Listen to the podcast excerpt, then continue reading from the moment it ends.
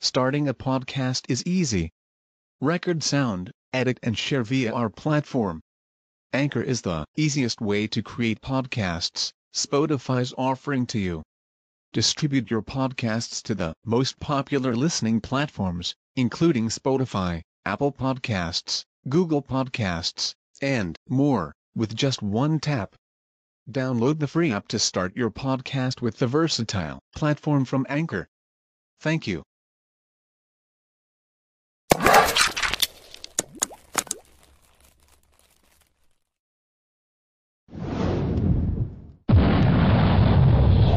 Anak-anak, ini adalah kisah azab Allah Subhanahu wa taala terhadap tentara-tentara bergajah yang hendak menghancurkan Ka'bah. Siapakah mereka itu anak-anak? Kalian ingin tahu kan? Ayo, simaklah ceritanya dalam kisah ke-16 dengan judul Kisah Abrohah dan Tentara Bergajah. Anak-anakku sekalian, semoga kalian menjadi anak-anak yang bertakwa. Abrohah telah membangun sebuah gereja di kota Son'a. Sebuah bangunan yang tinggi menjulang ditaburi dengan batu permata di setiap penjurunya. Dia bertekad akan memindahkan warga Arab ke sana, bukan ke arah Ka'bah lagi. Dia menyerukan hal itu di daerah kekuasaannya. Timbullah kebencian di hati orang-orang Arab Adnaniyah dan Kohtoniyah. Bahkan orang-orang Quraisy sangat murka. Sampai-sampai salah seorang dari mereka pergi ke sana dan masuk ke dalam gereja di malam hari. Lalu membuat kerusuhan di dalamnya, lalu dia kembali pulang. Hal itu diketahui oleh Abrohah Kemudian Abrohah bersumpah akan pergi menuju Baitullah di Mekah dan akan merobohkan Ka'bah. Sedangkan menurut riwayat Muqatil bin Sulaiman disebutkan bahwa ada seorang pemuda Quraisy masuk ke dalam gereja itu lalu membakarnya. Padahal ketika itu angin bertiup sangat hebat lalu terbakarlah gereja besar itu dan roboh ke tanah. Selanjutnya, Abrohah membawa bala tentara yang sangat banyak dan ikut pula bersamanya seekor gajah yang sangat besar badannya. Namanya Mahmud. Warga Arab bertekad mempertahankan Ka'bah. Keluarlah Dhu Nafar bersama kaumnya. Dia adalah salah seorang pemuka dan raja Quraisy. Akan tetapi, dengan begitu mudah dihancurkan dan ditawan oleh Abroha. Demikian pula halnya Nufail bin Habib al-Khaf'ami. Dia ikut menghalangi gerakan Abroha bersama kaumnya selama dua bulan terus-menerus. Akan tetapi, mereka pun dikalahkan oleh Abroha. Dia menawan Nufail serta hendak membunuhnya, akan tetapi dimaafkan dan ditugaskan sebagai penunjuk jalan ke negeri Hijaz. Ketika mereka melewati kota Taif, penduduknya malah bersikap ramah dan ikut mengirimkan Abu Roghol sebagai penunjuk arah.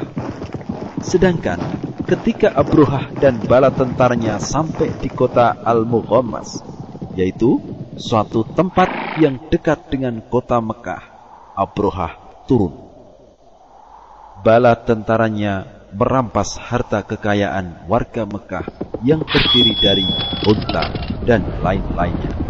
Di antara harta rampasan itu ada 200 unta milik Abdul Muttalib.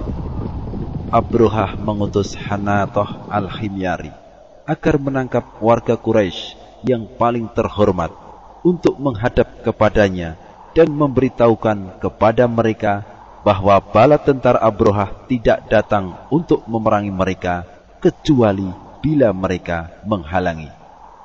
Hanatoh pun datang membawa Abdul Muttalib. Abrohah menghormatinya dan turun dari kursinya lalu duduk bersama di atas permadani dan bertanya kepadanya melalui penerjemahnya tentang keinginannya. Abdul Muttalib menjawab, Aku hanya ingin Anda mengembalikan 200 onta kepunyaanku. Abrohah berkata, Aku sangat heran dengan pandanganmu ini, dan perkataanmu itu telah membuatku tidak suka kepadamu. Apakah engkau mengajak aku membicarakan 200 ekor onta milikmu yang telah aku ambil dan engkau lupakan rumah yang merupakan simbol agamamu dan simbol agama nenek moyangmu?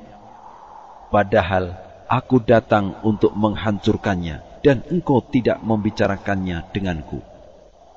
Abdul Muttalib menjawab, Sesungguhnya aku adalah pemilik unta-unta itu, sedangkan rumah itu ada yang memilikinya, yakni Allah. Dan dia, yakni Allah sendiri, yang akan mempertahankannya.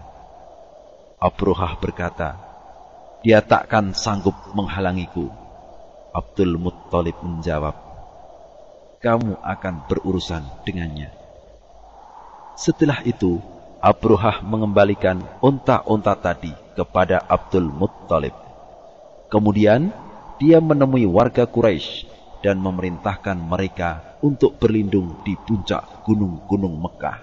Sebab khawatir mereka akan ditimpa amukan bala tentara Abroha. Selanjutnya, dia berdiri dengan beberapa warga Quraisy berdoa kepada Allah.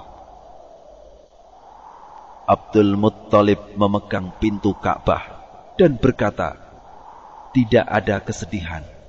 Sesungguhnya seseorang telah mempertahankan miliknya. Maka pertahankanlah milikmu. Kekuatan dan muslihat mereka semua tidak akan pernah mungkin mengalahkan tipu dayamu." Ketika Abrohah mempersiapkan gajahnya dan mengarahkannya ke kota Mekah, datanglah Nufail bin Habib dan berdiri di samping gajah itu. Lalu ia memegang telinga gajah sambil mengatakan, Mogoklah, hai Mahmud, kembalilah ke tempat dari mana kamu datang, sebab kamu kini berada di negeri Allah yang haram.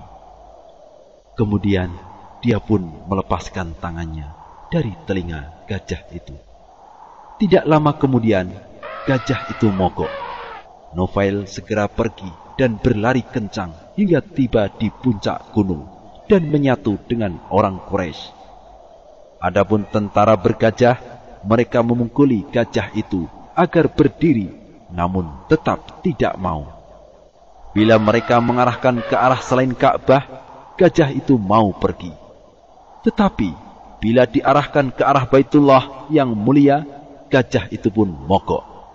Al-Waqidi meriwayatkan, ketika pasukan bergajah berusaha masuk ke tanah haram dan mempersiapkan gajah-gajahnya, maka tidaklah mereka mengarahkan gajah-gajah itu ke semua arah kecuali akan lari. Namun, jika diarahkan ke tanah haram Baitullah maka gajah-gajah akan mogok dan bersuara keras. Lantas Abrohah menaiki punggung gajah, seraya membentak dan memukulinya untuk memaksanya masuk ke tanah haram. Dan hal itu berlangsung sekian lamanya. Sedangkan Abdul Muttalib dan beberapa orang Mekah serta para pembesar Mekah berada di atas gua Hira melihat perbuatan tentara bergajah dan menyaksikan pula keanehan gajah-gajah tadi. Ibnu Abi Hatim rahimahullah meriwayatkan dengan sanatnya bahwa Ubaid bin Umair berkata, ketika Allah hendak membinasakan bala tentara bergajah, dia mengutus sekawanan burung ababil kepada mereka yang bermunculan dari lautan seperti burung-burung penyambar. Setiap burung membawa tiga buah batu. Dua batu di kedua kakinya dan satunya lagi di paruhnya. Burung-burung itu datang tepat di atas kepala-kepala tentara bergajah. Kemudian bersuara dan melemparkan bebatuan yang di kedua kaki dan paruhnya itu. Ketika itu tidak ada satu batu pun yang menimpa kepala seseorang, melainkan batu itu akan keluar dari tubuhnya. Dan tidak satu batu pun yang menimpa tubuh seseorang, melainkan akan keluar dari sisi yang sebelahnya. Di antara mereka ada yang langsung mati, dan ada yang berjatuhan daging-dagingnya sepotong demi sepotong. Dan mereka itulah bala tentara yang melarikan diri.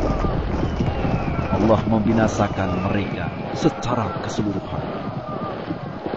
Tidak ada seorang pun yang kembali pulang menceritakan peristiwa mengerikan itu, melainkan dalam keadaan luka parah, sebagaimana terjadi pada Abroha. Daging dan anggota tubuhnya berjatuhan, sepotong demi sepotong, satu jari demi satu jari. Ketika sampai di negerinya Son'a, hatinya terbelah. Dia mati setelah menceritakan kejadian yang menimpa pasukannya. Muqatil bin Sulaiman menyebutkan bahwa tidak semua pasukan bergajah itu mati di tempat. Namun ada yang lari berhamburan, mencari jalan dan bertanya kepada Nufail agar ditunjukkan jalan pulang. Saat itu Nufail berada di atas gunung bersama orang-orang Quraisy dan Arab Hijaz melihat azab yang Allah Subhanahu wa taala turunkan kepada bala tentara gajah. Dikala itu Novel bersair, di mana tempat lari, padahal ilah mencari. Orang-orang asrom atau tentara gajah kalah dan tiada menang. Orang-orang Quraisy mendapatkan harta yang melimpah ruah yang dirampas dari pasukan bergajah beserta apa yang mereka bawa. Sedangkan Abdul Muttalib sendiri mendapatkan emas sepenuh lubang.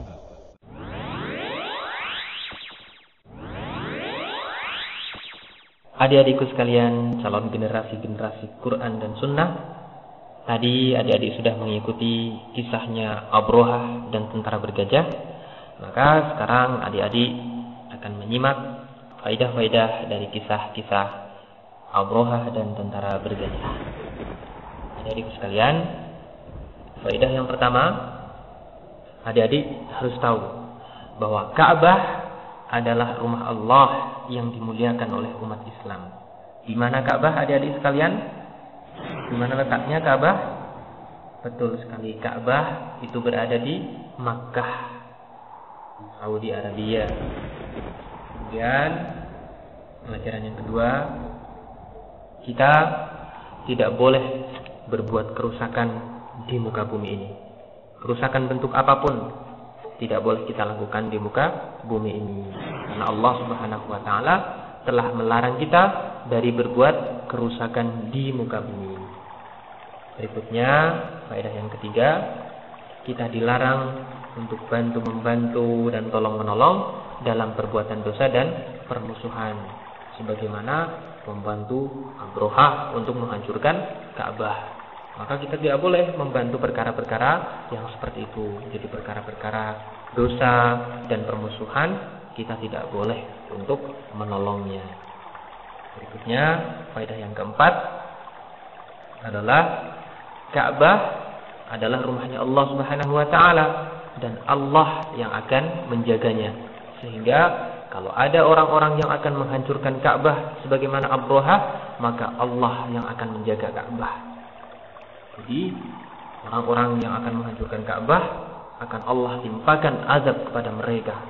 Karena ada faedah yang kelima bahwa Allah Subhanahu wa taala pasti akan menghinakan musuh-musuhnya dengan mendatangkan azab yang pedih bagi mereka. Kemudian adik-adik sekalian, faedah yang keenam, Allah itu maha kuasa atas segala sesuatu. Allah itu berkuasa atas segala sesuatu. Jadi segala sesuatu itu berada di atas kekuasaan Allah Subhanahu wa taala. Demikianlah tadi adikku sekalian, faedah dari kisah Abroha dan tentara bergajah.